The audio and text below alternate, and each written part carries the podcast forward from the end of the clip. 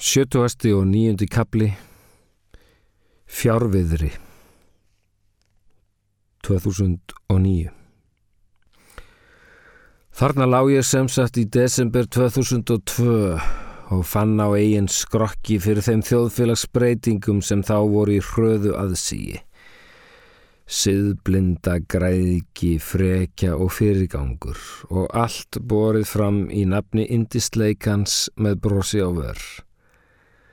Öllu þessu rutti hún inn á golf til mín þessi anstæða góður að gilda fulltrúi þess sem aldrei koma skildi.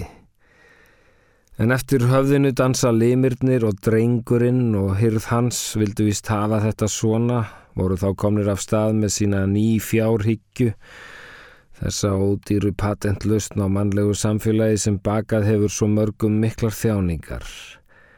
Þeir hafðu séðan að vinna sín ylluverk í Ameríku og þótti vist gestauki af hér heima, fjárviðrið var í aðsíi. Ég hafði sjálf búið í dollaralandinu bæði með Bob og síðar og séð hvernig þessi stóra þjóð þjáðist undan sínu kapitalkerfi hvar sér hver klukkustund var verðlögð og mönnum umsveifalaust vísað til ræsis ef þeir áttu ekki fyrir þeirri næstu. Þeir hugsuðu jáfnvel oftar um peninga en kynlíf þessir herðabreið og kjálkamiklu ruðningsmenn og er þá mikið sagt og ekki var vist létt að vera kona í þessu samkvæmi. Strax á unga aldri eruðu þær að útöksa lífsitt langt fram í tíman og plana einstíð millir ástar og öryggis, hamingju og peninga. Verður Gary maður til að skaffa börnunum mínum læknistjónustu eða á ég að veðja á Spencer þótt ég elski hann minna. Og aldrei fekk ég vanist því að sjónvarsendingar væri rofnar á sex mínútna fresti mammóni til dýrðar. Þetta myndi mig satt að segja á Hitlers Þískaland eða eitthvert kommunista ríkið. Áróðurinn dundi á mann í dag og nótt í þessu ólýðræðislega auðveldi hafði sami einræðisherra ríkt um aldir maður að nafni Dollar Bill og var þinn djöfull og guð í senn. Heimtaði látlausar fórnir og tignun annarsvegar en fristaði manns á hverju hopni hins vegar. Og í þessu förðulega þjóðskipulagi sem kvatti menn aðeins til eins að verða ríkir, ríkir, ríkir, gáttu menn vissulega orðið svo efnaðir að þeir fengu keft sér út úr samfélaginu og þurftu þó aldrei að sjá afleiðingar gróða síns þurftu aldrei að sjá í kennslustofurnar í fátakrakverfunum og byðstofurnar á almenningssjúkrahúsunum hvar ungir menn sátu og lásu sér til um kvatalíf frægafólksins á meðan blóðið streymdi úr skotsárum þeirra. Ég man þegar ég flöyt niður FDR Drive vorið 1975 í gulum legubíl og síndi strákunum mínum háhísin á Manhattan Þau voru sem skínandi tangarður hraustur að sjá, en inn á milli skein í gular skemdir, dópista greni og bissumannablokkir. Sjáðu mamma, hús sem brann! Og bandaríkin hafa ekki farið til tannlæknis síðan. Jábel ekki þótt bávar framtennurnar hafi verið kildar úr kæfti þeirra þann 11. september 2001. Sjálfur hafði drengurinn okkar, ég kalla hinn mikla Davíð aldrei annað en drengin vegna þess að ég þekkti ömmu hans sáluga sem kallaði hann svo. Sjálfur hafði hann aldrei komið vestur um haf en hann átti heimsfljúandi vini, sína miklu hólfélaga sem báru í hans spekina. Þeir vildu að þjóðin sem barist hafði í böngum heila öldmyndin og berast á þeimin í þá næstu, byðstofurnar voru tæmdar hétt það, því nú var ekki eftir neina að býða. Gróða harðindunum var hrundið af stað, hliðunum uppsvift og markaðs hundarnir ættu fróðu vellandi fram völlin. Úr köður að sjá var það mikla kapp án allrar forsjár. En hví eh, endaði góðærið svo ítla? Ég hef nú haft tíman til að ígrunda það og mér er næst að halda að skýringin sé svo undarleg sem hún er einföld. Barnleysi. Líkt og fadur hennar fasismin var nýfjárríkjan nefnilega yfirleitt borin fram af barnlausum kvítum karlmannum sem þótti gaman að klæða sig upp og södra koktela í kinnbræðra hópi en glimdu að gera ráð fyrir konum, börnum og genum þremur geðsjúkum gerfiliðmöðum og gamalmennum í sinni miklu þjóðfélags jöfnu. Í öllum aðalatriðum gengur fjárhyggja nefnilega upp á meðan ekkert trublar karlinn í sinni vinnu, á meðan konan fer með skirturnar fyrir hann í hreinsun og engin börn koma í heiminn og engin gamalmenni þurfa læknisaðstóð. Enda er þessi stefna til orðin og tignuð á þeim lóðum heimsinn sem bannaðar eru börnum í háskóla og fjármála hverfunum Vestanhafs. Eftirlætis Lína Bobs um Yale var svo að þegar búið væri að slá grasplettina á háskólalóðinni væri borin á þá aftershave. Hann þekkti þær slóðir því fadir hans var fastráðin bókmentaprofessor þar á bæ, elskulegt ljóðmenni af Whitman skólanum, en Bob átti bátt með turklukkur og tweed og kaus heldur barstóla og bít. Flúði niður í þorp og kynntist þar meðal annars sjálfum Kerouac, Góri Vítal og fleirum laungu áður en frægðin átt þá. Vítal er liklega fegusti maður sem ég hef séð fyrir utan Guðberg okkar Bergson sem kom heim frá Spáni með sólgleru og gekk yfir austurvöld eins og filmstar. Á sjöunda áratugnum var það talsvægt sport meðal reykvískra kvenna að gera sér ferniður á Hotel Borgum nætur til að fá stjörnur í augun en skaldið var þar næturvörður. En sveinarnir Bergson og Vítal voru svo fagrir að engin kona fjekk þeirra. Svona eru þá dýlingar, hugsaði maður eins og fávís krakki og hafði þó séð alltaf karlmanna krull í skúmaskotum stríðsins. Það var ekki fyrir en löngu síðar er ég las æfisögu Vítals að ég uppgöttaði á árunum í Greenwich, sengaði hann hjá þremur drengjum á dagað meðaltali. Þeir geta þetta á mega og meðan konur eru grítar fyrir. En svo voru aðrir karlmenn sem elskuði aðeins sjálfa sig og horðu á heimin út úr fjárhyrslum, voru fastir inn í peningaskápnum. Sín þeir á samfélagi var bundin við skráagatt.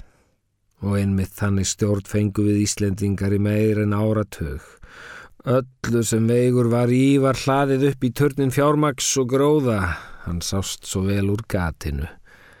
Úr því sá hins vegar ekki út í hagan í kring þar sem við hagvakstar ætur lágum á beit og hafði þó allt verið frá okkur tekið turni til dyrðar. Að lokum óksan yfir sig blessaður og hrundi út yfir öll þau samfélagstún sem hann hafði þó bitið í rót. Nú hefur Ísland fengið lesbíu á sinn topp, fyrst allra landa og er samkynheiðin svo vist betri en sjálfkynheið frá hægri sem í árdaga velti sér upp úr amerískri rakspýra dögg, bústinn og berrasöð. Æ, nú þarf ég að fara að komast í gröf, farin að bera blak af kommunistum. Áttuasti kapli Rotta 2002 Loks kom hún aftur inn, regnheiður, svo frosin elskulegað utan með tölvuna mína og lagði á sæng. Takk fyrir lánið, þetta bjargaði mér alveg. Þetta er greinilega mjög, mjög góð tölva sem þú átt. Það var engin leið að greina neitt í þessum orðum hennar, hvort hún hafði fundið eitthvað forkastanlegt í mínum fórum. Hún er á gætt, garmurinn. Já. Hér kom örlítið hík í hressið, örlítil óvissa í augnaráðið og þú ert svona tæknivætt. Já, ég lærði velritun í gamla vestlunarskólanum þegar hann var með setu og svo var ég nokkur sinnum rítari fyrir hinn á þessa. Það var þegar kallmenn kunnu vart á síma. Já, og þú, uh, þú fylgist vel með tímanum og tækninni? Ég hef alltaf verið glúrin, engum í samskiptatækni. Þetta síðasta sagði ég nú bara til að stríða henni og að það svín virkaði eins og Bóas hefði sagt. Hún leita úrið og sagði Jæja, heyrðu, ég þarf vist að vera mætt á fund. Ástarfund. Augun flatt upp. Ástarfund. Ég ætlaði ekki að láta hann að komast frá þessu brosandi. Já, ertu ekki búin að lesa það sem ég las? Lesa það sem þú last? Ég meina sjá það sem ég sá. Ég gaf honum Magga nafnið á honum. Magga? Nafnið? Á honum hverjum? Hann ætti að vera búin að því núna. Ha, búin að hverju? Og koma líkinu fyrir á góðum stað. Hann ætlaði að gera þetta fyrir hann á móður sína, geskurinn. Nú kom þögn. Og síðan sá ég skurnina bresta. Hægt og rólega. Ekki varð sínileg breyting á brosi hennar, það var jafn æpandi elskulegt sem fyrr, vel teikt á vörum og brosfrukkur straktar, en hægt og rólega sprakk fyrir í efninu, sprungunetið breytist yfir andlit hennar, náði loks upp til augnana og síðan hóf brak þunnur indismúrin að miljast utan af mjög fallegri heift. Hver Hver gaf þér leifi til að nýsast ofan í mín engamál? Framhjáald er ekki engamál. Ójú, það, það er, er engamál og það kemur þér ekkert við. Við maggi, við, þér kemur okkar hjónalíf ekkert við. Ég er nú bara að líta til með honum gauinu. Líta til með honum? Já, það sem mæður gera, að líta eftir börnum sínum. Hvað? Er hann gamal? Hvað er Magnús fokking gamal? Hann er 30 og 30, hann er fokking 30 og 30 ára og þú ert að passa hann eins og, eins og, sálinn er alltaf eins, alltaf eins ás. Hann var alveg niðurbrotin að heyra þetta gauð. Að, að heyra, sagðir þú honum frá þessu? Ég er móður hans. Já en það, það þýðir ekki að þú eigir að, eða hafi rétt til þess að Tala þú ekki um rétt, regnheiður. Regnheiður? Æ, bölvans lapsus, nú misti ég tungutökin. Svo ljósærða tók mig á orðinu og fyllt í augun af brátt fallandi drópum. Hvað þykist þú vita um hvernig er að vera kona í dag? Að þurfa að standa sig endalust hér og þar á sinna hundra skildum en fá samt aldrei það sem það þarf. Og svo þegar manni býðst að loksins þá, þá má maður ekki þykja það. Og getur þar að leiðandi ekki notið þess að því maður er með svo mikið helvítið samvinskupitt hann mækki minn er fítni í rúminu. Hún var orðlaus gapandi.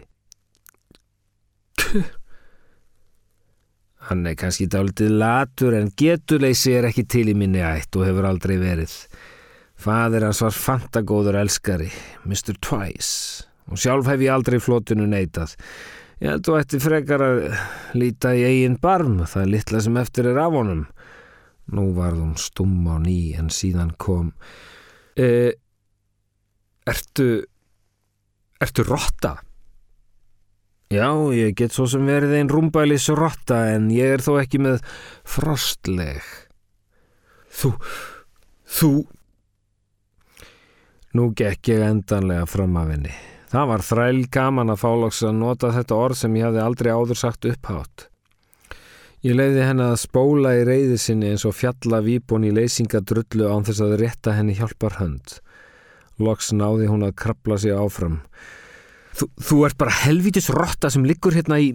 Já, bara helvítis bílskúsrotta sem heldur að hún hafi leiði til að snuðra um sem hefur ekkert annað að gera en að njósnum sína eigin fjölskyldumæðlimi bara því að þeir af því að þeir líta ekki inn til hennar bara því hún heldur að hún eigi rétt á því vegna þess að hún á svo bátt af því enginn kemur að sjá hana af því að hún er svo viðbjóðsleg og ógeðsleg og hefur aldrei svo mikið sem sagt að sér þætti væntum Hvar eru peningarnir? Peningarnir? Þeir eru farnir Þú ætti aldrei eftir að sjá þessa helvítis peninga aftur en það áttu þá ekki skilið verður sæl frú Herbjörg Þegar hún var horfin út tók ég eftir nokkrum örsmáum húðlitum flögum sem lágu á sængurkantinum, múrbrót indisleikans. Áttuasti og fyrsti kapli, Frosinn steinn, 1942. Í Hamburg sá ég heilu húsinn hrinja, sex flúraðar hæðir skullu hver ofan á annari, Eitt sinn munaði minnstu að ég fengi yfir mig banka. Aðrir voru ekki jafn hefnir. Stúlkan Trúdi sem ég kynntist af tilvilin og hafi bóðið mér að búa hjá sér og sínum varð undir múrbroti, hluta af svölum með svörtu handriði. Ég reyndi að bifa því af henni en tókst ekki. Tók í staðin af henni skóna og hugðist færa foreldrum hennar en þegar ég kom að húsinu var það orðið að rík skýi. Ég horfi niður á skóna í lofum mér og fyldist með ríkinu fyllað á og þótti fylgja mér bölfun. Allt sem ég tengdist var tekið burt. Mamma var horfin, pappi var horfin, trúti var horfin og nú húsið hennar, mamma hennar og pappi, amma og bræður þrýr. Ég ákvað að kynnast engum meir. Hvernig varð ég munaðalös í stríðinu? Það gerist í mars 42. Skamtíma dvöl hjá frú Bám hafði dreyist á langin og var nú orðin árslöng. Við heldum öll að stríðinu myndi ljúka á nokkur mánuðum á meðan Hitler kingdi löndum eins og máfur síld.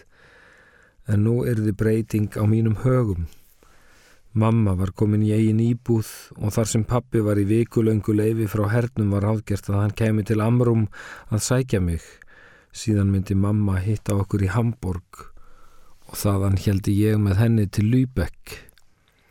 Tilfinningar mína voru blendnar. Ég hlakkaði auðvitað til að hitta mömmu og pappa en ég var strax fann að sakna mæke og hæke og frjálsa lífsins okkar á hvítum ströndum. Pappi var breyttur maður. Sveipurinn hafði harnað líkt og fiskur í hjalli á nefi satt kalsár. Þá talaði hann þískun af meira öryggi en áður. Ég var næstu því hrætt er hann stakk sér í langar útlistanir. Hann hafði útskrifast úr herskólanum vorið áður en alveg brav úr löst. Sálsagt var aldrinum um að kenna. SS-merkið var horfið úr hálsmálinu og í staðin var hann orðin fluttningabílstjóri. Allan veturinn hafði hann hossast fram og tilbaka um slettur Úkrænu með hergögn, mannskap og matvæli á yfirdektum palli ímist í ryggningar foræði eða slíku heimskauta frosti að Íslendingurinn hafði aldrei kynst öðru eins. Hann hafði engin kynni haft af bardögum öðrum en hliðarskotum úr skógi, aldrei komið á sjálfa výlínuna sem um þessar myndir hafði lagt að baki bæði kvíta Rúsland og Úkrænu og mjagaðis nú inn í sjálft Rúsland á göngu hraða og hafði því engan drepið. Þó var þetta ekki sami maður og taldi með mér tröppur upp á hanabjölkan okkar í Lübeck og dansaði fyrir okkur mömmu í stofunni upp úr þurru við enga tónlist. Herskólinn hafði hert upp á honum unnvíkin og rúsneski veturinn hafði, fyrir utan að narta í nefnbrót hans, frist í honum augnbotnana. Þráttur að honum tækist að krista fram nokkra dæmigerða hansabrandara var túndru blær á augnaráðinu. Munurinn var smávægilegur en greinanlegur. Það var munurinn á steini og frostnum steini. Áttuasti og annar kapli Handleggur. 1942 Eina vetranótt mann ég betur en aðrar skrifaði hann mér löngu síðar. Brotinn maður í hjáttningaþörf einn og yfirgefin í kallarahólu í Grindavík eftir stríð og Argentínu Aftur voru við fastir á þessum fjáran vegi þarna á millið Rilskól Gov. Landslægi þarna er jafn láriðt og útsær og álíka endalust líka. Satt best að segja fannst mér á köplum eins og við værum að þoka okkur yfir ísilagt haf. Um nætur dreymdi mig jafnvel stórkvöli á sundi undir veginum. Úr óbrunnum bóndabæ næri slóðanum hafði hlaupið skot. Engur kommunistinn hafði fórna lífi sínu til að gera fremsta bílin okkar bensínlausan með því að skjóta gata á tankin. Þetta tafði okkur um heilar 30 klukkustundir. Þegar frostið er komið niður fyrir 20 gráður er slíkur tími á við þrjár vikur. Nóttina þreyðu við í stýrishúsinu, ég og Órel félagi minn. Órel var pressónur frá Achen, Búlduleitur starfræði spekulant, hinn mætasti drengur en þó undarlega kærulösa af þýskum hermanni að vera. Hann virtist alls ekki skilja mikilvægi strísis heldur kallaði það vetrarævintýr. Hann kunni bísnin öll af kvæðum og fór tíðum með þau fyrir mig í bílnum, þetta stitti nú langar aukustundir en ég var þó að byggja hann að láta af þeim þölum þegar uppkomst að flest voru þau eftir eh, Heinrich Heine. Kvæði hans voru bönnuð innan landamæra þriðja ríkisins vegna gýðingablegs í pennaskálsins, svo ég vittni í mér merkari mann. Pressónurinn átti bátt með að skilja löghlýðinni mína.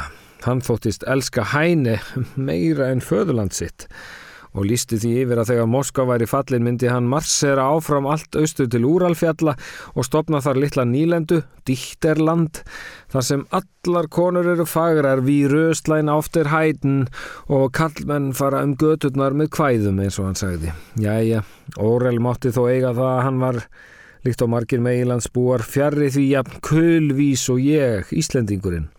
Frostnóttina miklu tókst honum að festa svefn í farþegarsætun og meðan ég nötraði undir stýri. En okkur var meinað að hafa lastbílana í gangi til að spara eldsneiti. Undir morgun var ég orðin bísna svangur og bröst út úr bílnum. Á þessu sinni hafði kantínu verið komið upp á fyrirnemdu sveitabæju og matráðurinn okkar var að setja upp kaffið í örsmáðu rúsnesku eldhúsi sem myndi mig helst á eldhúsið hjá Runa gamla í sviðnum viðbrunir veggir og mynd af þjóðskáldinu Tolstói á vegg. Matráðnum til hjálpar var heimasatan á bænum, ljósær stúlka með nakkanhút, óvinni fögur af slafa að vera. Það verður aðtugast að það tók föðu minn 17 ára að full reynsa nazistabullið úr höfði sínu og þá og aðeins þá tók mamma aftur við honum. Eftir að hafa gætt mér á nýbökuðu brauði og þegið mólasópa bað matráðurinn mig að fara með kaffi út í fjós. Vind þegin þak skekta blasti við á hægri hönd í morgungráningunni. Ég gekk yfir hlaðið, lifti loku og gæðist inn. Við mér blasti sviðsetning sem myndi mig satt að segja á málverk eftir einhvern af niðurlensku misturunum og ég þekkti úr verdens kunsthistóriði. Þetta málverk var eins konar blanda af anatómíu tímanum eftir Rembrandt og jólaguðspjallinu eftir mér glemdan listamann. Út í horni stóðu tvær horaðar kýr og snýru halanum í mig. Önnur þeirra, hvít skjöldótt, reyði aftur hausin í átt að ljósinu sem flætti inn um opna dyrnar en hinn söiblaði kurski sínum og rumdi ergilega. Ofan á grófu búkaborði á miðjugólfi lá maður í þýskum búningi, barði stífiluðum fæti í bordbrúnina án afláts og emjaði af sársauka. Yfir honum stumruðu tveir læknar en upp við veggina kvíldu allmargir hermen á koldum fötum, bitum og búkum og voru flesti rænu lausir af kulda, þreitu eða drikju ef ekki öllu þrennu.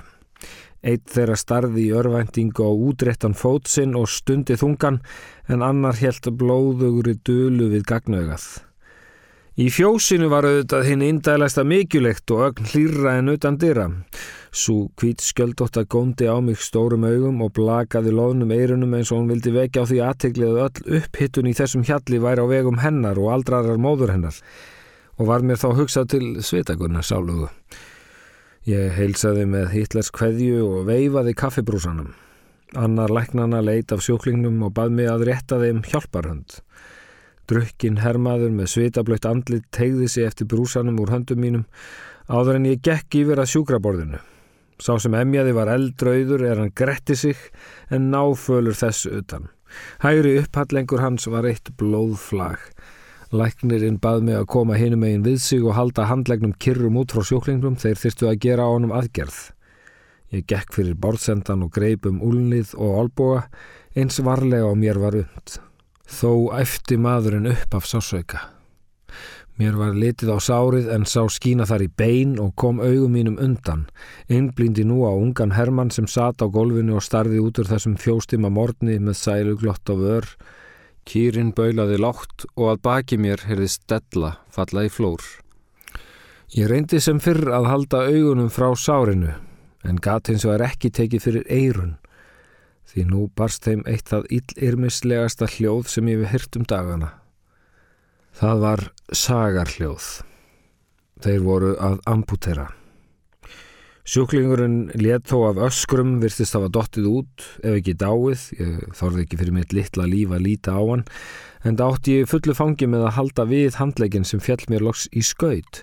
Um mig fór einhver hinn einkennilegasta tilfýring sem ég hef fundið, ég held á afskornum handlegg. Þeir flýttu sér að stöðva blóðflæðið og loka sárinu en ég stóð áfram graf kyrr með handlegg í höndunum og reyndi að halla honum þannig að ekki rinni úr honum allt blóðið. En þá gerðist það sem enginn átti von á. Sjúklingurinn rankaði við sér og reys upp við dogg.